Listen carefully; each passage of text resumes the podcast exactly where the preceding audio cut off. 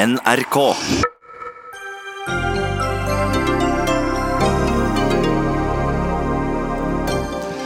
Norge gjør helomvending og henter likevel hjem IS-kvinne og to barn fra flyktningleir i Syria. Fremskrittspartiet er dundrende uenig med sin egen regjering og tar dissens. Er Jon Georg Dale samferdselsminister kun for Vestlandet? Ja, det spør frustrert Fredrikstad-ordfører som vil ha fart i jernbaneutbyggingen, men har kanskje fått mest fart i samferdselsministeren selv, som kaller den uttalelsen for hinsides all fornuft. På 15 år gikk sykehuslegenes tid med pasientene ned med seks timer i uken. Legene legger skylden på utdaterte datasystemer. Og skuespilleren Anders Danielsen Lie tar et kraftig oppgjør med norske dramaprodusenter. Han mener manus til norske TV-serier er for dårlige, og nå ber han produsentene om å slutte å sette halvtygde manuskripter ut i livet.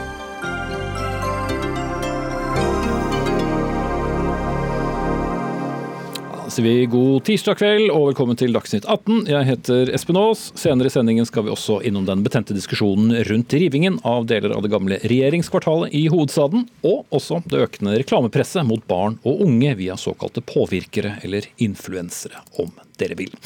Men først til eh, dagens eh, store nyhet, nemlig at regjeringen altså nå snur og henter ut to barn, og ikke minst deres 29 år gamle mor, som er mistenkt for å tilhøre terrornettverket IS fra en flyktningleir i Syria. Og mens eh, Venstre og KrF i regjering da har fått viljen sin i denne saken, har Fremskrittspartiet, som ikke vil ha moren til Norge, tatt dissens. Men utenriksminister Ine Eriksen Søreide fra Høyre, hvorfor henter dere nå kvinnen hjem? For det første så er det viktig å minne om det vi gjorde i fjor med å hente de fem foreldreløse barna, som var en veldig tydelig prioritering fra regjeringas side, hvor vi sa at vi håndterer de aller mest sårbare først. Og det var det vi da konsentrerte alle ressurser om. Eh, så har vi jo da også sett at det i denne situasjonen, som også er en helt ekstraordinær situasjon, hvor det er risiko for alvorlig sykdom hos et barn, eh, så ønska vi å se på muligheten for å kunne hente ut barnet. Eh, regner med også selvfølgelig at Frp redegjør nærmere for sitt syn etterpå, så det skal ikke jeg bruke mye tid på. Men for eh, regjeringa, altså Høyre, KrF og Venstre, så var det viktig at vi kunne gå videre med det arbeidet. Rett og slett fordi den situasjonen som var der, eh, og er der, er vanskelig, og den er helt ekstraordinær. og Derfor så ønska vi å kunne bistå. Vi har jo hele veien også vurdert mulighetene for at barna kunne komme til Norge uten mor. Det har ligget som et eh, tilbud og en mulighet hele veien. Eh, det har ikke mor ønska. Eh, og derfor har det jo også vært sånn at vår vurdering er at så lenge det er tilfellet, så, så, så moren la premisset? Ja, altså, sånn vil det jo alltid være. Dette tilhører foreldreretten. Det er helt åpenbart. Og vi kan ikke, som jeg sa på pressekonferansen i dag også, gå inn og eh, hente barn eh, i utlandet mot foreldres vilje. De har full og hel eh, suverenitet over hvor deres barn bor og oppholder seg. Men vi eh, gjorde da den vurderinga at for å kunne få barnet i sikkerhet, så måtte vi da også ta med mor og søster. Mm. Men er da dette ny politikk for regjeringen? Er dette et en, eh, engangstilfelle? Altså, vi har sagt hele veien at vi gjør individuelle vurderinger. Eh, og nå er det ikke flere som har bedt om assistanse til å komme hjem. Men vi må gjøre individuelle vurderinger, og dette setter jo ingen presedens, fordi at forholdene og situasjonen er helt ekstraordinær. Man kan jo lett se for seg at fem foreldreløse barn er i en usedvanlig sårbar situasjon. Derfor prioriterte vi de først. Vi sa også veldig tydelig at vi ikke kom til å gi kommentarer på eventuelt pågående arbeid. Og det er jo hensyn til sikkerheten til de involverte. Og det har vært en helt avgjørende faktor her også. Og det er derfor dere har hørt litt det samme svaret fra oss mange ganger på at vi ikke kommenterer det. Men vi har også jobba veldig intenst over lang tid med denne saken, som har vært veldig vanskelig. Bl.a. fordi at forholdene på bakken og risikoen er veldig stor. Og vi har hatt en situasjon hvor Tyrkia intervenerte i Nordøst-Syria, som gjorde at premissene for vårt arbeid og med våre partnere ble helt endra. Mm. Eh, så er det mange som lurer på hva skjer med denne 29 år gamle moren, som jo er mistenkt for å ha vendt Norge så til de grader ryggen og, blitt med i det som kanskje er verdens verste terrornettverk. Hvorfor, eller hva, hva skjer med henne når hun kommer på norsk jord? Det er jo ingen av regjeringspartiene som har hatt noe ønske om å bistå mor her, eh, og voksne mennesker som slutter seg til IS. I dette tilfellet så var det en ekstraordinær situasjon som gjør at mor eh, må med for at vi skal kunne få et antatt sykt barn i trygghet. Og alle som har slutta seg til IS eller vært med på overgrep, må påregne å bli straffeforfulgt når de kommer til Norge. Og det er jo påtalemyndigheten som må vurdere de videre skrittene og som må uttale seg nærmere om det. Men Norge har, i motsetning til mange andre land, en tydelig og sterk lovgivning på dette feltet, som gjør at vi allerede i dag har flere som sitter eh, i fengsel for å ha begått eh, kriminalitet som da er straffbart etter, eh, etter norsk lov. og Dette er da inkludert. og Så må som påtalemyndigheten vurdere hva som skjer videre. Mm. Du ønsket ikke å gå i noen politisk debatt om denne saken, så jeg takker deg av da, utenriksminister Ine Eriksen Søreide fra Høyre. Jon Helgheim, dere, har da altså, dere er helt uenig med de andre tre regjeringspartiene og har tatt da dissens. Men hva innebærer egentlig det? Hun kom jo til Norge. Det betyr at vi eh, stiller oss ikke bak denne beslutningen. Vi mener det er en feil beslutning. Vi mener at eh, dette her eh, kan bidra til å sette norske innbyggere i fare. Det er ingen enkel sak, men Frp har hele tiden sagt at vi er villige til å hjelpe dette barnet til Norge om nødvendig, for å få hjelp. Mm. Men Alternativet var jo la da det syke barnet være igjen i Syria, så lenge det da var opp til moren å si ja eller nei til, til den hjelpen? Ja, og Det er jo det som har skjedd her. At eh, moren har eh, vært kynisk og sagt nei til alle tilbud som norske myndigheter har gitt.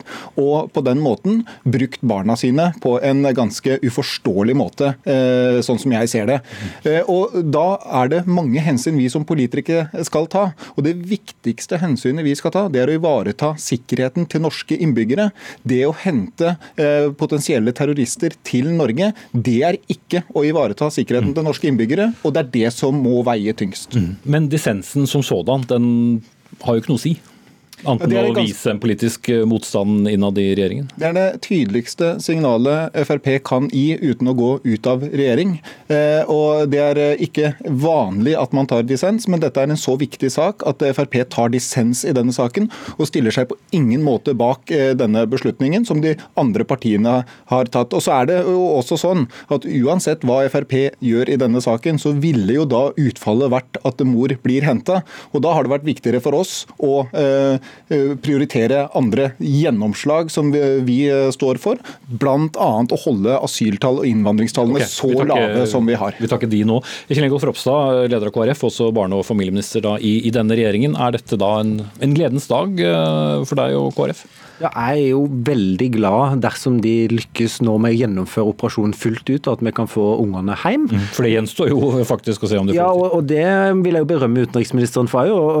Og det, det har vært krevende med alle disse spekulasjonene som har vært, og òg klare å holde tett. fordi at det, det, det, har vært viktig for sikkerheten for disse ungene. Og, og jeg vil jo si at det er, det er unge som vokser opp under forferdelige tilstand. De opplever ting ingen barn burde få lov å oppleve, og de er totalt uskyldige. Det er foreldrene som har gjort grusomme ting. Mm. og Derfor har vi hatt et stort ønske om å hjelpe disse barna hjem. Og Det er jo det Helgeheim og sikkert mange også lurer på nå. Hva da med uh, sikkerheten når vi henter hjem en, en potensielt farlig uh, terrorist til Norge? Ja, og, og, Der er vi jo heldigvis i en god situasjon. for det, Nå får vi hjem ungene. for det, det som du presiserte i stad, Alternativet ville jo vært at ingen kom hjem.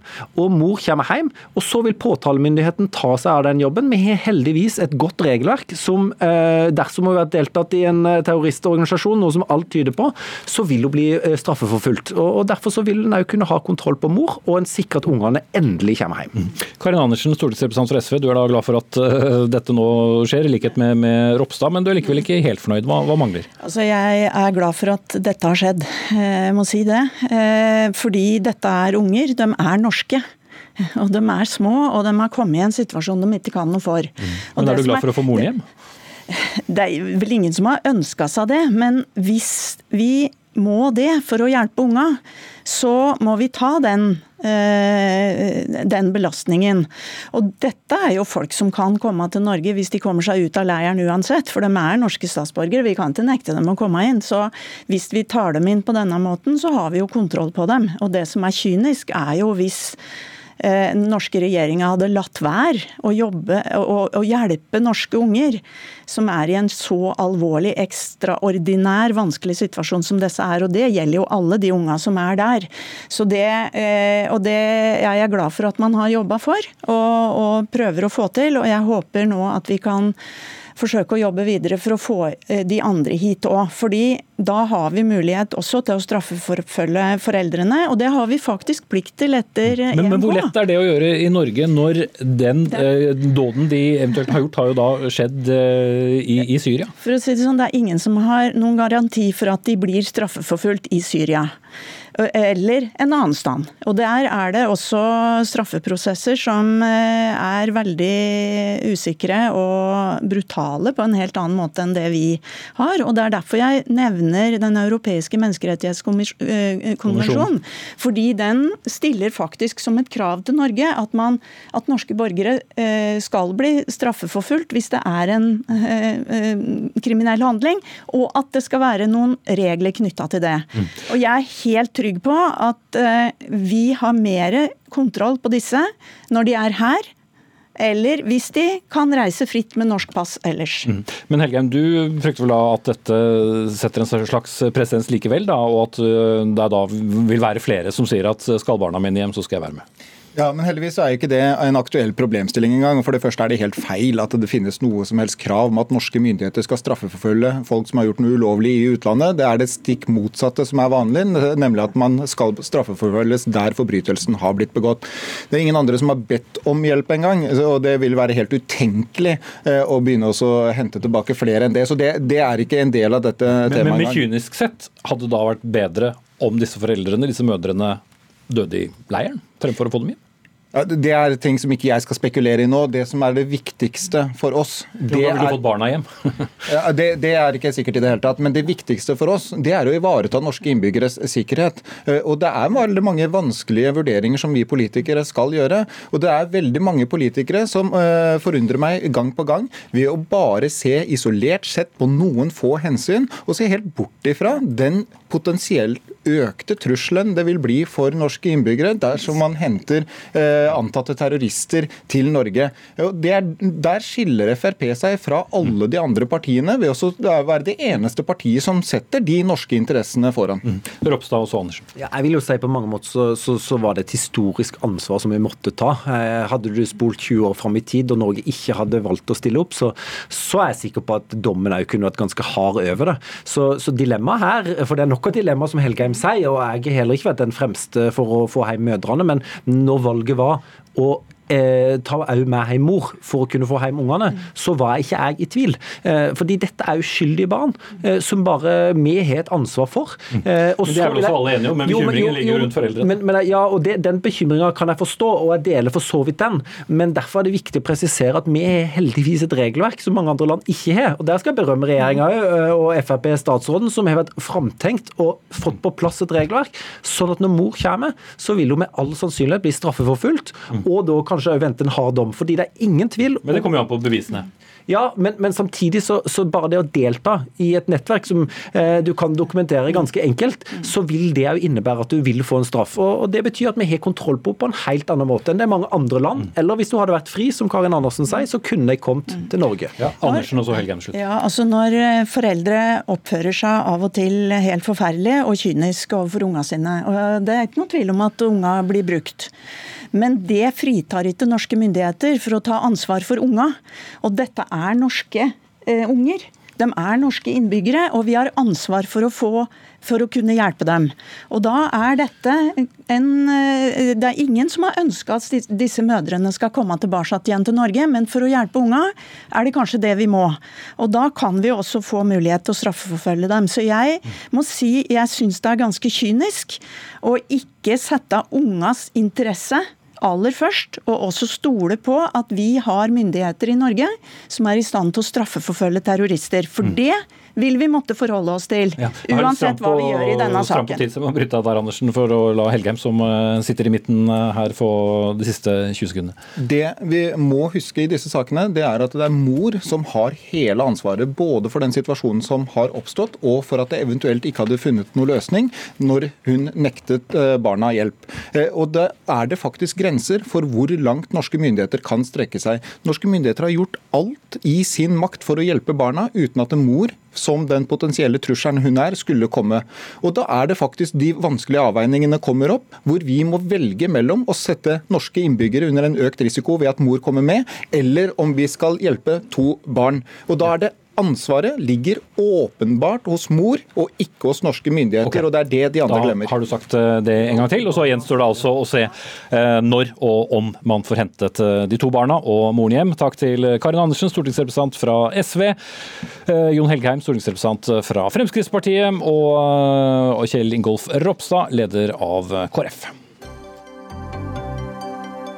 Dagsnytt 18 alle hverdager kl 18.00 på NRK P2 og NRK2.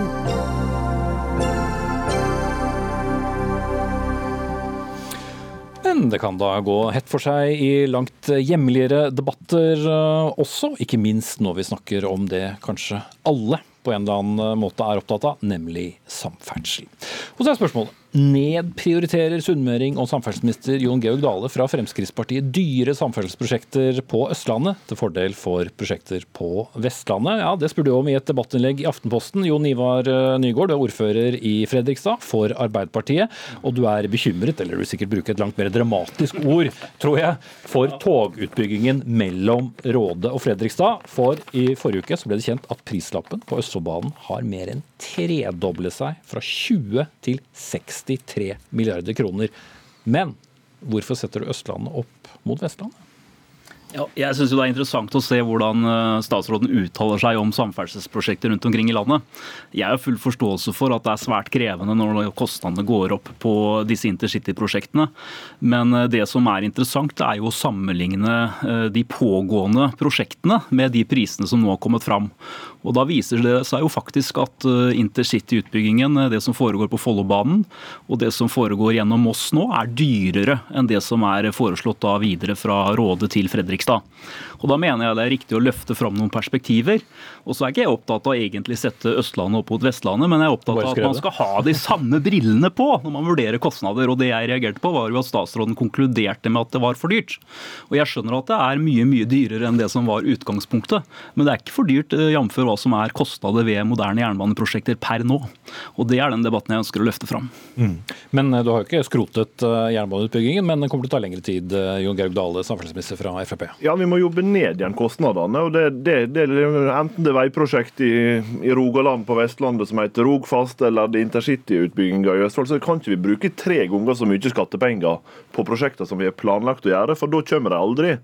Så det vi må få til, er jo faktisk å jobbe ned kostnadene, sånn at vi oppnår det som vi alle er opptatt av, nemlig at det blir et bedre togtilbud. Mm. Men Det er jo alle enige om, men, ja, men jeg tror vel sikkert at uh, vår venn fra Fredrikstad har vel hatt det langt tidligere. Ja, men, men, men, derfor er denne debatten helt tøvete. Det finnes ikke en samferdselsminister i Norge som har brukt mer penger på å bygge ut jernbane på det sentrale Østlandet enn jeg nå gjør.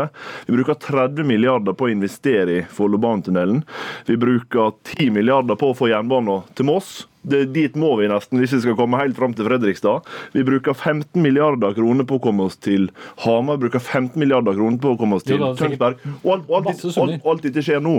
Men hele forutsetninga for at disse prosjektene faktisk kommer, er at vi må ha fundament å sette dem på. Og 150 meter kvikkleire, som er liksom verste eksempelet i Østfold, er ikke det ideelle uh, arealet for å fundamentere en jernbane som skal frakte passasjerer til og fra Fredrikstad. Ja, og du mener... sagt, og Da må vi få ned kostnadene og få kontroll på prosjektet, sånn at vi kan realisere dem for omtrent de pengene som Stortinget faktisk er satt av for å bygge bedre tilbud. Men mener du da Nygaard, at uh, da skulle heller Dale satt andre prosjekter uh, på vent, og, og, satt ned de fundamentene i denne berømmelige kvikkleiren som uh, nå har dukket opp? Mitt perspektiv er at det er 26 år siden storsamfunnet første gang hadde lovnader til Østfold om å bygge intercity gjennom Fredrikstad. Og det har ikke kommet én meter jernbane siden det. Og vi var jo veldig tilfreds når man i 2013 fikk dette inn i Nasjonal transportplan. Det eneste det var noe uenighet om, det var om det var rask nok framdrift. Og de som nå sitter med regjeringsansvaret, ønsket sågar en noe raskere framdrift gjennom Østfold. Mm. Hyggelig det. Og så ble dette gjentatt i 2017. og så er vi jo nå da i den eh, beklagelige situasjonen at det skapes tvil om det i det hele tatt skal gjennomføres. Sånn leser jeg statsråden når han snakker om at det er for dyrt. Men hvis statsråden kan love meg at han skal gjennomføre intercityprosjektet, så er jeg selvfølgelig veldig fornøyd med det. Ja, Det er jo fort gjort. Det er bare å si ja, det. Svaret på det er at vi skal ha fire tog i timen til Fredrikstad. Vi skal ha to tog i timen til Sarpsborg. Nå må vi finne en måte å løse det på. Og Vi kan ikke... Så Du vet ikke når, Nei, når men, toget går. svaret er at vi kan, ikke, vi kan ikke bygge norsk jernbane på 150 meter med kvikkleire. Det kan ikke vi gjøre. Altså, det, det hadde vært fristende for en, en hvilken som helst politiker bare sier jo, men bare bygg. Men vi kan ikke bygge jernbane til 60 mil og så rase sammen. Så altså, vi, må, vi, må vite, vi må vite hva vi gjør. Så må vi finne en løsning som gjør at vi får ned kostnadene. Det lykkes vi med i mange, mange prosjekt om dagen. Får ned kostnadene, og det gjør, gjør Men det er at jo vi faktisk- kostnader at det ikke blir ferdig også, for alt som er av næringsliv og, og pendlere. Det koster mye å bruke lengre tid på å reise. Ingen tvil om. Og hvis du spør meg skulle jeg ønske at et prosjekt ikke gikk fra 20 til 60 milliarder, så ville svaret vår ja, det skulle jeg ønske meg. Og det som er jobben min nå, er naturligvis å sørge for at vi faktisk gjør vurderinger på hva slags eh, traseer kan vi legge dette i nå, hva slags justeringer kan vi gjøre i prosjektet, hva slags alternative måter å bygge ut etterpå, så gjør at vi klarer å finansiere det store, fantastiske løftet intercityutbygging til hele Østfold vil være. Det er fortsatt en klar ambisjon om å klare det, men vi kan ikke bruke tre ganger så mye penger. Men dermed aner du heller ikke når eh, Nygård og andre får se denne jernbanen, da. Nei, altså, Det er ikke sikkert du er samferdselsminister engang. Jo, det er jo klare ambisjoner. Jo, jo. men, men, men, men det viktige er at nå har vi fått et faglig grunnlag. Det kom nå på denne sida av nyttår. Og det er helt rett. Jeg er nødt til å gå grundig inn i det, se hva slags alternative vurderinger vi skal gjøre, før vi kan sette to strek under svaret på hvordan vi skal håndtere dette videre. Men ambisjonen om fire tog i timen til Fredrikstad ligger fast. Om to, timer, eh, to tog i timen til Sarpsborg ligger fast. Og vi skal fortsette å utvikle jernbanen også på det sentrale østlandsområdet. fikk Men da men måten å gjøre det på er ikke å prøve å rappe pengene over fjellet. Eh, en- Det er ikke min ambisjon, Nei, det, det, ser sånn ut når du skri, Ja, ja, ja, ja. det ser sånn ut når du skriver innlegg, men, men poenget er at vi må, vi må ha kostnadskontroll og vi må ha rask gjennomføring på faglig godt nok grunnlag, og det er det vi jobber med nå. Ja. Da skal du få runde av altså, det er veldig beroligende at statsråden uttaler seg på den måten, men poenget er at eh, når han sammenligner tall, så må han jo også se på hva som er de kostnadene som er på å bygge moderne jernbane nå. Og da er snittkostnaden den er på sånn 750 eh, millioner per kilometer. Og det som nå skal bygges eh, til Fredrikstad, det ligger på da sånn ca. 800. Så det er der kostnadsbildet ligger. Men jeg er helt enig med statsråden i at vi skal selvfølgelig lete etter kostnadsreduserende tiltak. Det har vi sagt oss villige til. Vi har fått av vedtak om det, og vi skal bidra på den måten. Men da må man ikke så tvil om prosjektet kommer. Fordi det fortjener hele Østlandet. Men det eneste som har gjort det, tror jeg, er du. Nei, jeg tror ikke det. La oss, når, når du sier at det blir for dyrt, blir det da et prosjekt eller ikke? Nei, altså, vi kan ikke bruke 60 milliarder kroner. Det kan ikke være. Ok, Da har vi slått fast det, og så skal vi ikke spore av ytterligere. Takk til Jon Georg Dale, samferdselsminister fra Fremskrittspartiet, og Jon Ivar Nygård, ordfører i eh, Fredrikstad fra Arbeiderpartiet.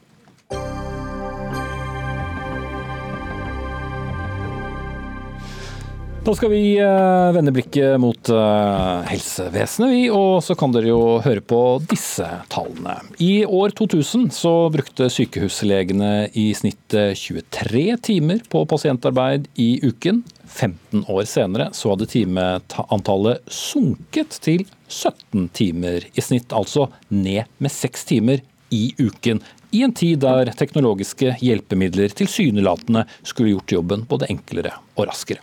Kristin Utne, du er selv lege og leder Yngre legers eh, forening. Eh, Hvordan er det mulig å miste seks timer på disse årene? Det, det er et godt spørsmål. Det er vel to hovedgrunner. Eh, Det ene er jo at man gjorde en del endringer i helsevesenet på 90-tallet, hvor man bl.a. sa opp veldig mye støttepersonell i den tro at det skulle komme teknologiske løsninger isteden, som skulle gjøre de oppgavene helsesekretærene tidligere har gjort. De har ikke kommet. Og det betyr at vi leger bruker stadig mer tid på dokumentasjon og papirarbeid. eh, Som resulterer i at legeproduktiviteten går ned. At vi må ansette flere leger for å gjøre samme jobben. Og det er en uhensiktsmessig måte å drifte helsevesenet på, mener vi. Men du rekker jo å utdanne to kull eh, med, med leger på, på disse årene hvor disse timeantallene har gått ned. Har dere ikke sagt fra at dette er litt dumt? Eh, Vi har prøvd, eh, og så er det, det er vanskelig, for det vi opplever er at det er utrolig lange linjer, og at man har problemer med å få eh, gode løsninger som løser det vi trenger lokalt. Eh, Det har vært problemer med innkjøpsordninger, anbudsrunder, hvilke problemer man skal løse når. Og så opplever vi at det er veldig sånne lange prosjekter. F.eks. vi får et nytt prosjekt om fem år. Da får vi et datasystem. Det skal løse alt. Og så kommer det og så løser det ikke alt. Mm. Bedre enn tiden vi brukte faks og personsøker, si. Det gjør vi på sykehus ja, i dag. Jeg vet, jeg vet. Vi har saker om det. Kristine Bergland, eh, direktør for eh, Direktoratet for e-helse. Ja, hva sier du til eh, det som legene påpeker her? Ja, Vi kjenner oss jo veldig godt igjen i dette. Det er jo derfor vi har blitt etablert. Mm.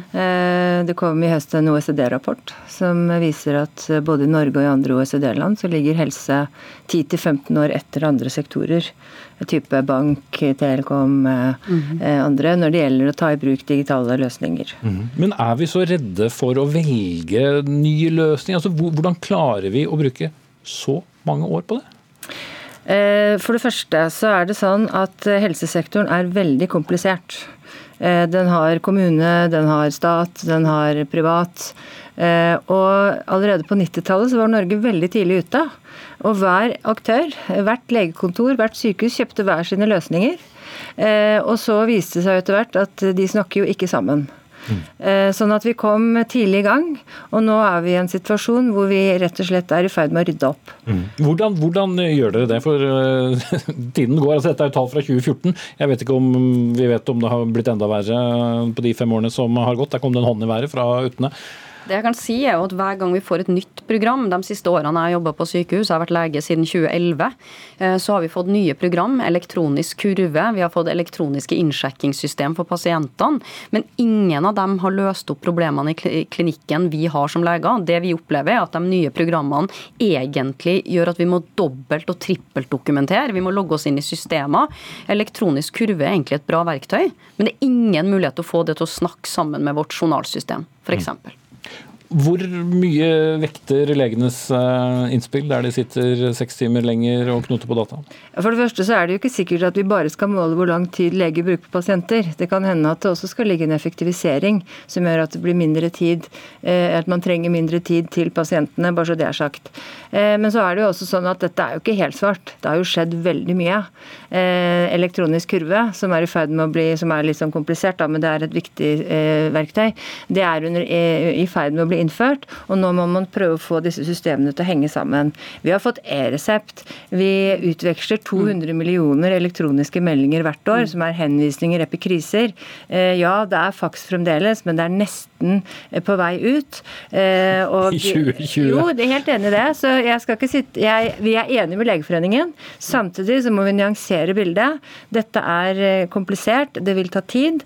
Vi må gjøre de rette tingene, og vi har også gjort veldig mye. E-resept f.eks er en veldig god, godt eksempel på det. Mm. Er dere litt for negative, Utne? Er, er, vi på vei riktig Det er et godt spørsmål. Altså, det vi er bekymra for, er jo at de prosjektene, altså de store dataprosjektene som legges fram som løsninger, for det første er tidshorisonten utrolig lang. Eh, de tar ofte opp i seg at de skal løse veldig mange ting på en gang. Og i en sånn pakke så er det veldig ofte at de konkrete problemstillingene vi har i klinisk daglig virksomhet, ikke blir tatt med i sånne anbudsrunder. Jeg kan prøve å eksemplifisere det. Veldig kort. Det vi opplever er jo f.eks. når det kommer inn en pasient med eh, akutt hjerteinfarkt som skal videre til et eh, mer høyspesialisert sykehus, så må jeg da ta et utskrift av et EKG, fakse det over til Ullevål, eh, hvor jeg selvfølgelig fjerner navnet, for det må fjernes, og så må jeg ringe. Og Sånn fungerer det i dag. Og Det vi trenger, er lokale løsninger som hjelpe oss i denne problemstillinga. Og hvor kjapt kan vi få det på plass, så legen kan snakke med pasienten og ikke for det første vil jeg bare si at det er ikke sånn i alle helseregioner. Heldigvis. Du slipper det i vest og nord eh, og midt, bare så det er sagt. Eh, og så er det ikke snakk om å si hvor kjapt, det er snakk om å, å, å telle seirene for hvert år. Og, mm. og, vi har fått gjort Jeg mener at eh, dere har rett når dere sier det er for dårlig, men vi er på god vei. Mm. Så får vi høre fra dere da, når dere kasserer den siste faksen. Takk til ja, Kristin, Kristin Utne, leder av Yngre legers forening, og Kristine Bergland, direktør for Direktoratet for e-helse.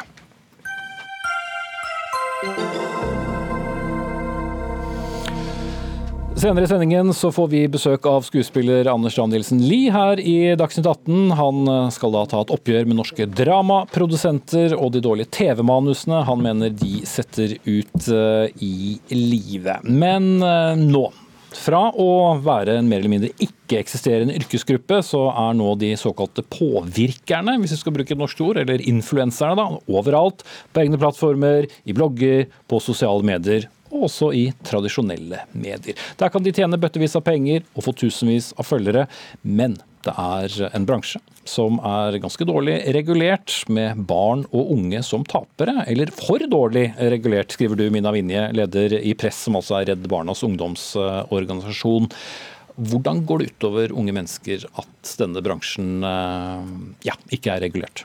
Um, man vet uh, at barn og unge i dag uh, sliter med dårligere psykisk helse enn før. Det ser man på nasjonale rapporter hvor f.eks. Ungdataundersøkelsen. Og man vet at kroppspress og dårlig psykisk helse henger sammen. Og man vet at reklame har ekstremt stor påvirkning. Uh, og man vet også at um, barn og unge i dag lever en helt annen hverdag enn tidligere med enda mer reklame. Og mye av den reklamen skjer jo på sosiale medier.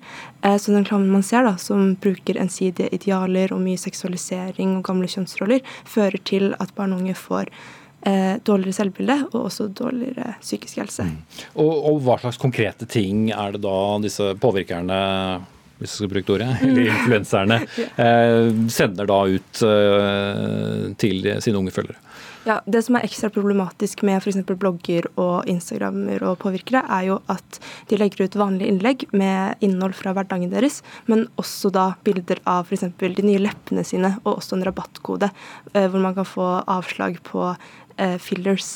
Eller for eksempel, ja, Fylle leppene, rett og slett. Ja. Ja. Eh, og Litt av denne kritikken fra dere henger da sammen med en pris eh, som dere deler ut, eh, som heter Gull-Barbie. og Det er ikke en sånn høythengende pris som folk vil ha. Den gir dere da til sitat, medie- og reklameaktører som bruker ensidige skjønnhetsidealer, gamle kjønnsroller og unødvendig seksualisering for å selge deg noe, som for så vidt er det du nevnte. da, og En av de nominerte snarere er nettstedet blogg.no. Hvordan har de gjort seg fortjent til denne nominasjonen til Gullbarbien? Mm.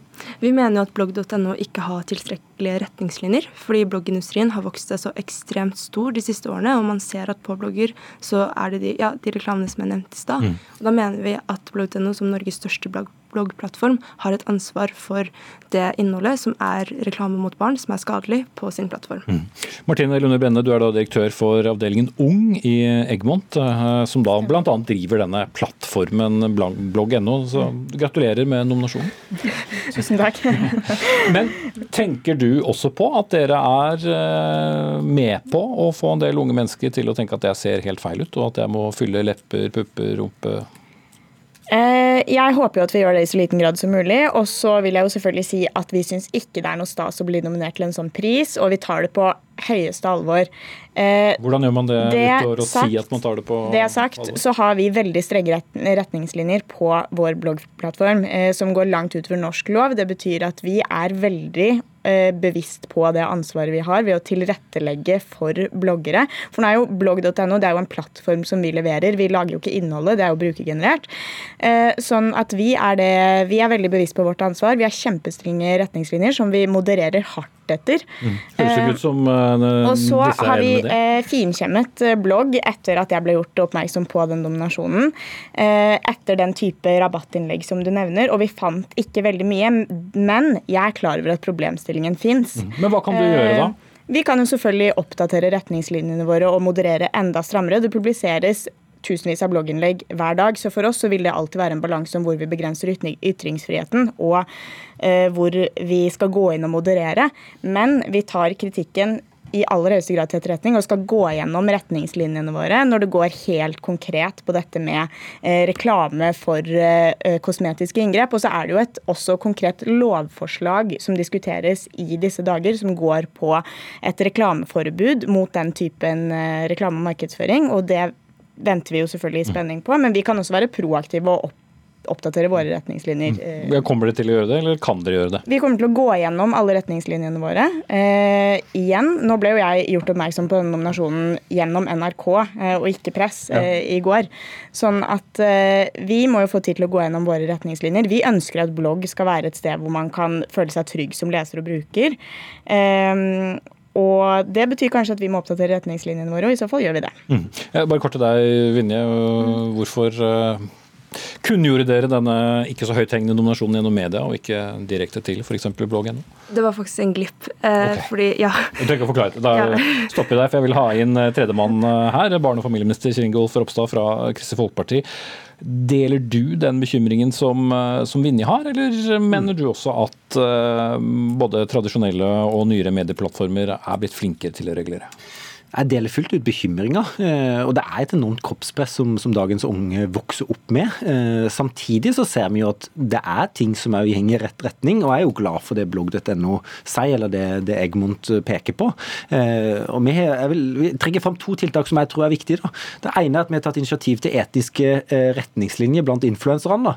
Eh, Der har bransjen sjøl utvikla egne retningslinjer og, og vært pådriver for det. og Der skal det være kontrollfunksjon, det tror jeg kan være viktig. Og så er det dette lovforslaget som, som blir nevnt, mot uh, retusjering av, av reklame, at det skal merkes. Eh, Det er for så vidt et eh, tiltak som press har vært opptatt av i lang tid, og jeg personlig har hatt mange møter opp igjennom om den saken. Og jeg håper og tror at all denne oppmerksomheten gjør noe med det presset som, som en kanskje litt ubevisst òg av og til utsetter dagens unge for. Uh, Og det er et enormt sammenligning i, i, opp, i, i ungdomsmiljøene.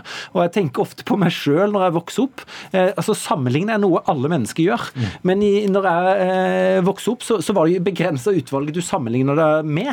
I dag så er det et enormt fokus over hele verden. Og det er ikke bare Evje sin fineste og beste i fotball, men det er, men det er rett og slett verdens fineste og beste. Så, så Men- dette er alvorlig, eller en alvorlig utfordring. Men dette lovforslaget, da, eh, hva skal til for, eh, eller hva, hva slags horisont ser vi for oss for, for noe sånt eventuelt kan være på plass? Ja, Vi sendte det på høring eh, 2.12, så nå skal det på høring. og Forhåpentligvis så vil jo det få støtte, sånn at det kan gjennomføres relativt raskt.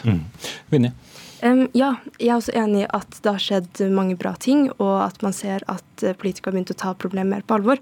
Uh, men jeg må bare si at sånn, Du nevnte det med etiske retningslinjer og at man skal ha en kontrollfunksjon der. Det, det syns jeg er veldig bra at bransjen selv sier at de vil sette ned et fagutvalg. Men jeg tenker også at man må se litt på eh, kanskje andre tiltak også, da. Fordi eh, når en bransje, bransje skal regulere seg selv, har man tidligere sett at det kanskje ikke helt funker hvis man skal beskytte barn. For eksempel, eh, eh, utvalget for mat, ser man at det fortsatt er mye eh, reklame mot barn. Og eh, det fins ikke eh, nok Eller eh, det er ikke ja, jeg tenker jo at sånn Selvregulering kan være bra, men man ser tidlig at det ikke fungerer. Så man må se da om dette her kommer til å funke. Fordi eh, nå ser man at det er en bransje som har sagt at de vil ta ansvar, men likevel så er det også en bransje som vil tjene mest mulig penger. Eh, så da tenker jeg at politikere må også sette gang kanskje litt strengere tiltak, da, sånn at disse tingene ikke skal være lov. Men er det lovforslaget til å begynne med? Men jeg vil spørre deg da, Martine Lunde Brenne. Det er vel også en sannhet at veldig mange unge vil se på flotte, vakre mennesker? Altså det genererer klikk? Altså det er ikke sånn at ungdom ikke går inn på disse bloggene? Uh, nei, jeg vet ikke helt hva du er ute etter, men jeg tror jo i aller høyeste grad at eh, en Så genererer jo trafikk, som igjen genererer annonseinntekter for dere som eier eh, Ja, plattformene. selvfølgelig. Eh, selvfølgelig gjør det det, men det betyr jo ikke at vi vil la en blogger publisere hva som helst av innhold på vår plattform. Det er jo nettopp derfor vi har disse eh, retningslinjene som vi modererer etter. Vi har også en funksjon som gjør at vi blir varslet hver gang noen skriver ordet reklame eller sponset eller lignende, sånn at vi skal kunne gå inn og helt konkret sjekke om den bloggen er merket godt nok. Sånn at eh, Det publiseres tusenvis av blogginnlegg hver dag, og vi modererer etter beste evne. Men jeg er helt enig i at vi også har noe Vi kan bli bedre. Og når det gjelder akkurat dette med kosmetiske inngrep, så er det noe vi vil se nærmere på. Men er det bedre med egenregulering enn om eh, staten skal eh, bli strengere? Jeg syns at vi trenger begge deler. For jeg tenker at uansett hva slags lov man har, så skal man ikke bare forholde seg til loven, man skal forholde seg til de etiske retningslinjene man som eh, publisher av en sånn plattform eh, kan stå inne for. Og det eh, gjør vi i aller høyeste grad. Ja, og jeg er enig i at du trenger begge deler. Både de etiske retningslinjene, det, det tror jeg allerede har begynt å virke, en bevisstgjøring, men lovverket mener vi er viktig. Og jeg vil presisere at dette er jo et glansbilde av virkeligheten, og det er jo det vi vil til livs. Så det vil alltid være bilder av pene mennesker eller flinke mennesker som, som vil være på blogger, men det er jo noe med det urealistiske bildet som det dannes, og unngå at det skaper et stort press på å f.eks. gjennomføre kosmetiske inngrep. Gullbarbien den deles ut om en måned. Dagbladet og Facetune er også blant eh, de nominerte. Eh, vi forsøkte sjefredaktør Alexandra Bevfjord i Dagbladet. Hun takket nei til å være med, og viste til en kommentar de allerede har sendt eh, oss her i NRK. Og vi har også forsøkt å få tak i United Influencers, som ikke har svart på henvendelsen. Så får vi se hvem det er som stikker av med Gullbarbien. Mina Vinje, leder i Press, som er Redd Barnas ungdomsorganisasjon. Martine Lunder Brenne, ung direktør Egmont, og Kjell Ingolf Ropstad, barne- og familieminister fra Kristelig Folkeparti. Hør Dagsnytt 18 når du vil. Radio NRK Radio.nrk.no. Alternativt kan jo kanskje bekymrede foreldre sende barna til Dagsnytt 18 i stedet. I alle fall, det har vært eh, mye, veldig mye debatt rundt eh, regjeringens vedtak om å rive det som heter Y-blokka i regjeringskvartalet i hovedstaden. Bygget, som eh, jo utover sin spesielle form er kjent for Carl Nessars, Nessars dette var vanskelig, Picasso-kunst på utsiden, og frem til terrorangrepet 22.07.2011 så holdt Kunnskapsdepartementet til i bygningen, men siden terrorangrepet så har bygget stått tomt. Saken om rivingen er nå sendt til behandling hos Sivilombudsmannen, fordi institusjoner som Norske arkitekters landsforbund og Fortidsminneforeningen har klaget på saksbehandlingen, og det har også kommet inn en klage til bygg- og planetaten i Oslo. Dermed er rivingen utsatt på ubestemt tid mens dette behandles. Gisle Løkken, president i Norske arkitekters landsforbund, du er med oss på, på linje, og dette er vel gode nyheter for deg at det er utsatt. Men hvorfor dette voldsomme engasjementet? Ja, Dette er jo eh, fastslått gjennom eh, lang tid at eh, vi har en helt unik bygning som òg var fredet, eller i realiteten fredet, før 22.07.2011. Så eh, dette er en periode, en arkitektonisk periode som er i ferd med å bli utradert av vår kulturhistorie, fordi at eh, det er ingen oppmerksomhet med å ta vare på det. Riksantikvaren f.eks. de har jo eh, klokkeklart slått fast i sin anbefaling etter konseptvalgutredningen om at eh, de mener at eh, dette må bevares, og at eh, det er fullt mulig å ta vare på dette her, og allikevel oppfylle de sikkerhetskrav og klimakrav som eh, forventes av de nye regjeringsbygningene. Mm. Lars Jakob Him, du er statssekretær fra Høyre i Kommunal- og moderniseringsdepartementet. Hva betyr det at det blir enda en, eh, en utsettelse og enda en, en runde? Nei, Vi må vente på de tillatelser vi trenger for å sette i gang rivingen, men vedtakene rundt Y-blokka er, er fattet. Eh, og vi deler eh, de vurderingene som er gjort, at det er betydelige eh, kulturminneverdier ved bygningen. Den har en historisk betydning, men så må det veies opp mot andre hensyn som har vært avgjørende i den saken her. Det handler om sikkerhet og trygghet rundt regjeringskvartalet. Det er sånn at den historikken som det stedet har, gjør at vi må ta det på det største alvor. Og så er det andre hensyn i tillegg. Vi ønsker et åpent og tilgjengelig og grønt byrom. Vi ønsker en velfungerende regjeringskvartal. Vi må ta hensyn til kostnader, og vi må ta hensyn til at det skal være en god arbeidsplass. Det er veldig mange hensyn som spiller inn. Men dere har jo beholdt uh, Høyblokka, hvor statsministerens uh, kontor uh, bl.a. var der, som ligger rett ved siden av. Hvorfor er det viktigere enn da denne Y-blokka? Det er jo faktisk et, eh, kall det en mellomløsning. Eh, fordi vi må huske historikken her. Dette er jo en prosess som har en lang, lang, eh, lang utredning frem til den situasjonen vi står i i dag. Og opprinnelig i konseptvalgsutredningen så ble også Høyblokka foreslått revet. Så gikk man jo de rundene man har gjort og ønsket at den skulle tas vare på fordi den representerer en del av de samme verdiene som Y-blokka. Og man ønsket å ta regjeringskvartalet tilbake igjen etter, etter terroraksjonen. Mm. Så det innebærer egentlig en mellomløsning. Mm. Gisle Løkken, eh, du er da med oss på linje fra, fra Tromsø, eh, for de som ikke ser eh, sendingen. Du er jo da arkitekt selv. Hvordan opplever du den sterke vektleggingen av sikkerhet? Da i fremtidige statlige bygg som f.eks. regjeringskvartalet, med, med, den historikken som vi jo har for lang tid tilbake, så er vel kanskje ikke det så rart? Nei da, la det være helt klart. Det er ingen som bestrider behov for høy sikkerhet i regjeringskvartalet. Eh, nå sier jo Riksantikvaren at de mener dette her skal være fullt mulig å få til. Det samme sier f.eks. Lisbeth Halseth i Klassekampen bare for noen dager siden. Hun var veldig sentral i konseptvalgutredningsarbeidet. At det mener de er fullt mulig. Så det koker nok ned til et økonomisk spørsmål om akkurat det skal være mulig å oppnå. Så nå er det jo sånn at bygninger av denne verdien de er da omfattet av et ganske tungt lovverk.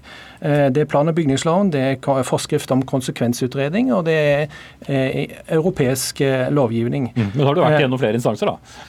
Eh, ja, det har det. Men eh, samtidig så har staten valgt å eh, kjøre denne saken som en statlig reguleringsplan. og Det betyr at ingen andre kan klage på den prosessen som foregår. Staten har altså bygd seg en, da, en prosess som gjør at de bare kan fortsette å bygge på en feil eh, vurdering som ble gjort veldig tidlig i denne saken. Mm. Vi har ikke tid til å gå inn i alle de rundene nå, for vi har bare mm. halvannet minutt igjen. Men eh, for prosessen Jeg kan i hvert fall forsikre at det har vært en veldig omfattende prosess over åtte åtte år hvor det har vært veldig over tilnærmet åtte år hvor det har vært veldig mange anledninger for å komme med innspill. Det har vært høringsmøter, det har vært utstillinger, det har vært møter med veldig mange aktører. Mange som vært... føler seg at de ikke er hørt, da? Ja, det kan du si. Men så er det jo denne prosessen er blitt av flere angrep som udemokratisk. Men det er da, da fortsatt eh, en beslutning som er forankret i bystyret og byrådet i Oslo. Det har vært forankret i regjering, og ikke minst så har Stortinget eh, sluttet seg til dette med et ganske stort flertall. Det var SV og to representanter som stemte imot. Mm. Så å si at det har vært en udemokratisk prosess f.eks., ja. syns jeg er litt spesielt. Okay, selv staten er bundet opp av det lovverket vi har, og det står klokkeklart at staten er, selv om de kjører en statlig reguleringsplan, er underlagt akkurat det samme lovverket. Og Plan- og bygningsloven er øverste lov som gjelder for alle byggesaker. Og Her er det helt klokkeklart at det, det skal konsekvensutredning. Denne saken har ikke vært konsekvensutredet med hensyn på kulturminneverdien, sånn som eh, vi mener at den burde vært. Mm. Vi må runde nå, men Him, når kan en eventuell eventuell eh, riving av denne blokka igangsettes? Det har stått som et eh, tomt skall nå i, eh, i snart ni år. Nei, Vi håper på å få en rask avklaring på de klagesakene som er til behandling. Vi ser ikke at det har kommet opp noen nye momenter som tilsier at det skal vurderes på en annen måte. Men akkurat hvor raskt, det tør ikke jeg å anslå. Det er det klageinstansene som skal vurdere. Mm. Jeg tror sikkert vi kommer til å høre mer om denne saken ut fra det store engasjementet som finnes der. Takk til Lars Jakob Him, statssekretær i Kommunal- og moderniseringsdepartementet fra partiet Høyre, og Gisle Løkken, som er president i Norske arkitekters landsforbund, med oss fra Tromsø.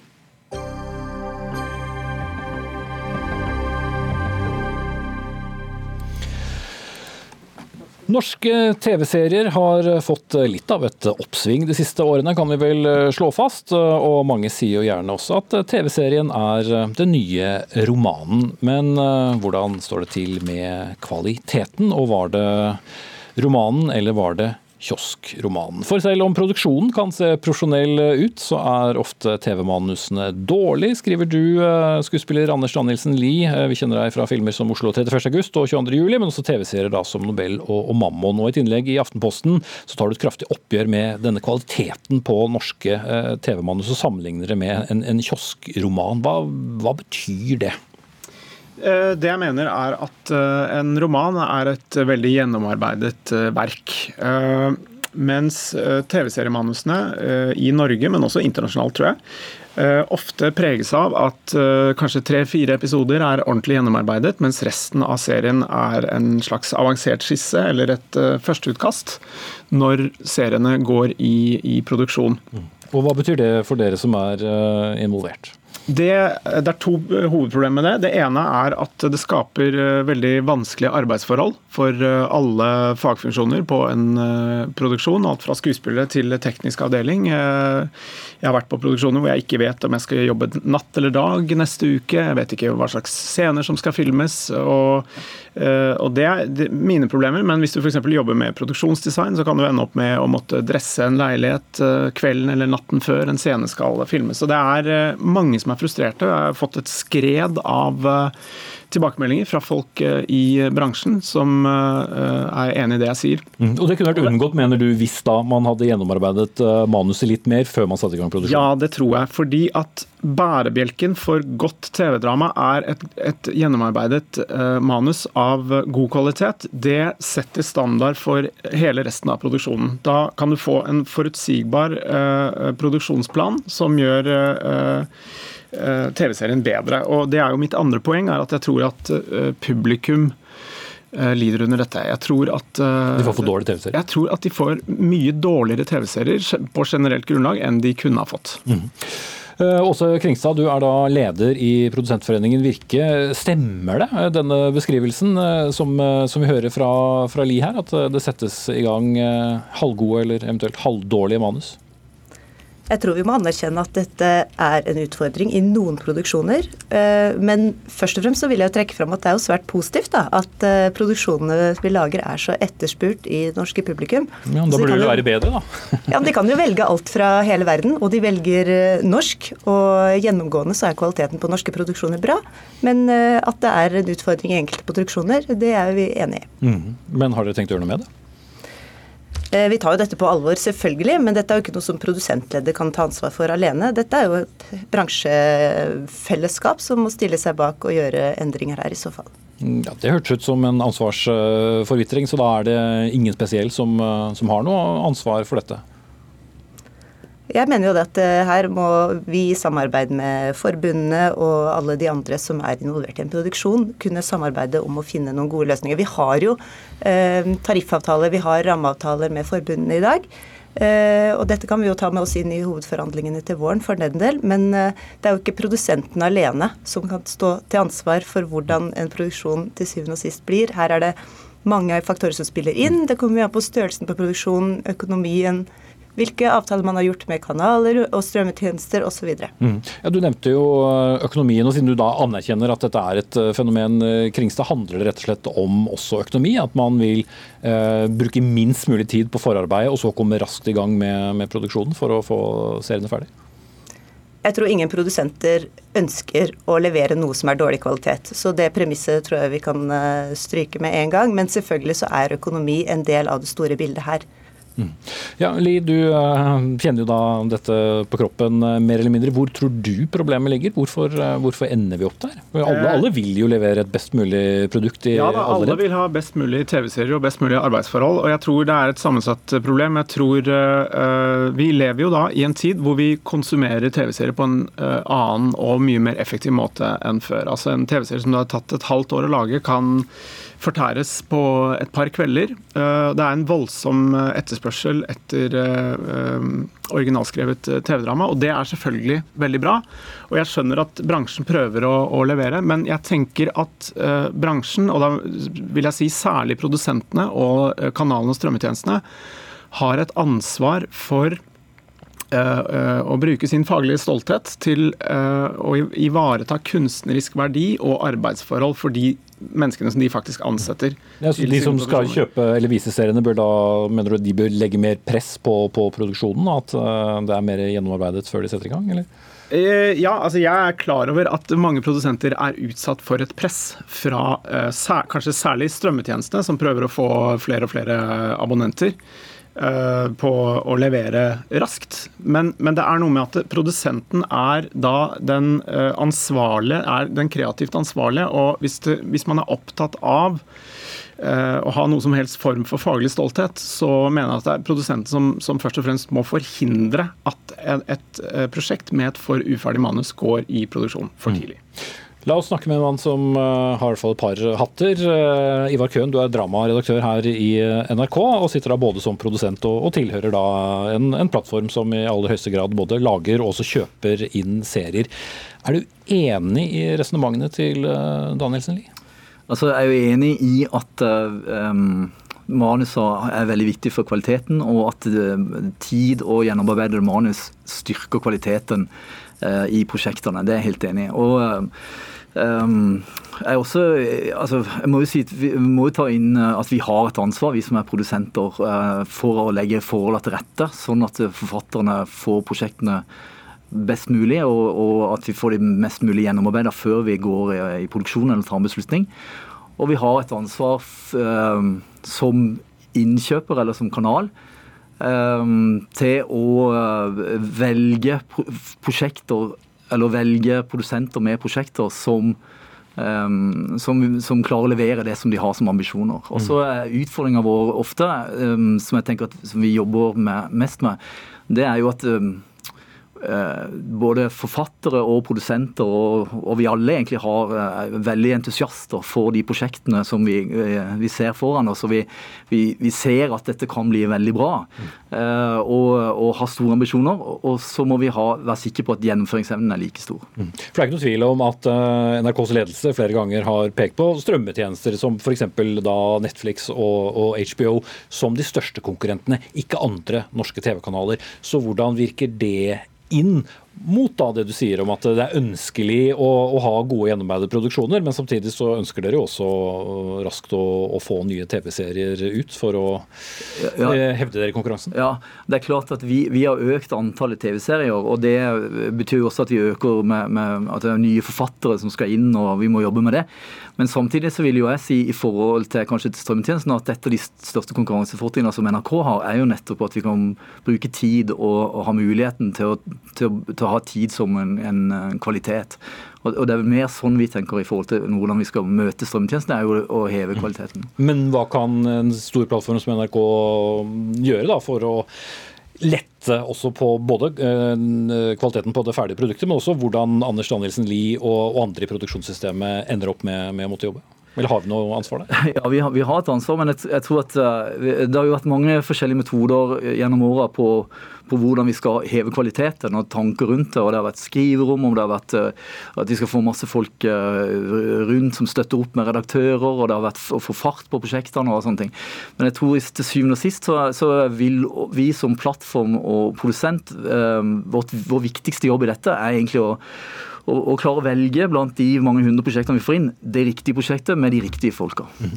Vi skal ta inn eh, Terje Eidsvåg også, du er kulturkommentator i Adresseavisen og har en kronikk på trykk i dag hvor du langer ut mot kvaliteten i norsk true crime, som jo da er en litt annen sjanger. Men er dette som Danielsen Lie beskriver et generelt problem, slik du ser det, i norsk eh, film- og TV-produksjon?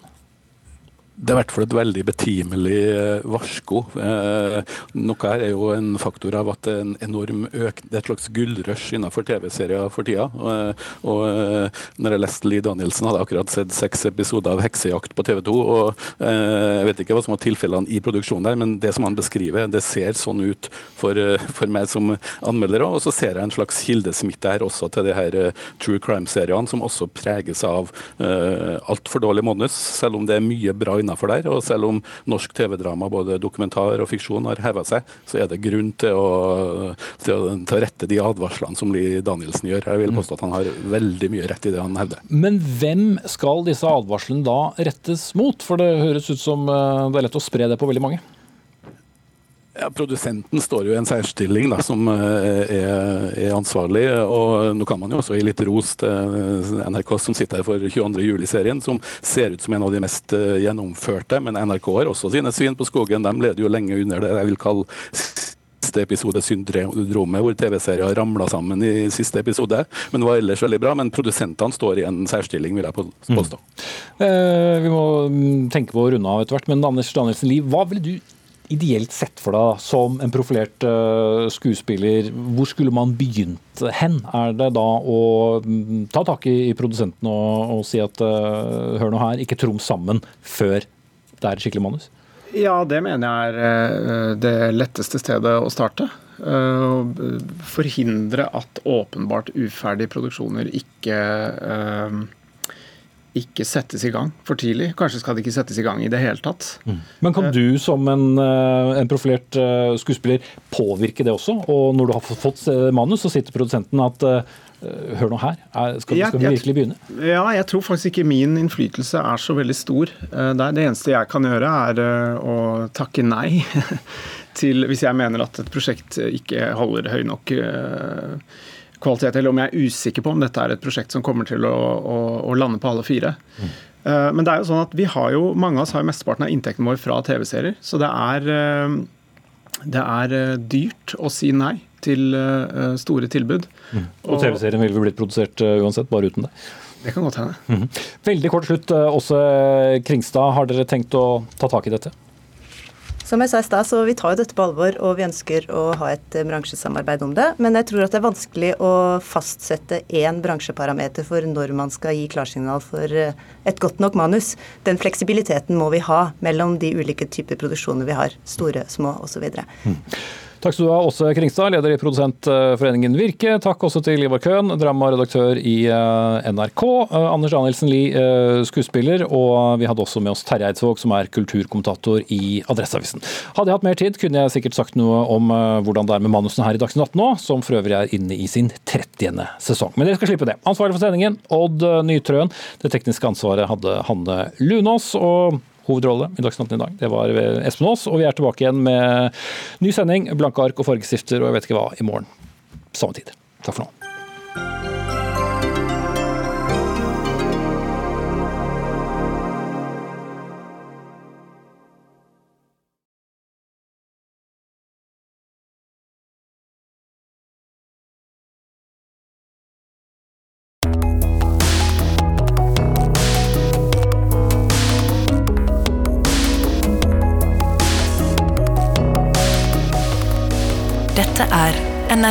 P2.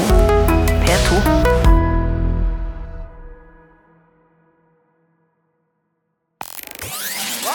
Toms afrikanske fortellinger, sesong to. Jeg har møtt helter og svikere fra folkemordet i Rwanda. Barnesoldater fra Uganda som må lære å snakke igjen. Han som gjemte en halv million håndskrifter i Timbuktu da Al Qaida ville brenne verdensarven. Og hun som lo av profeten i Nigeria og ble dødsdømt, men endte som journalist i Stavanger. Av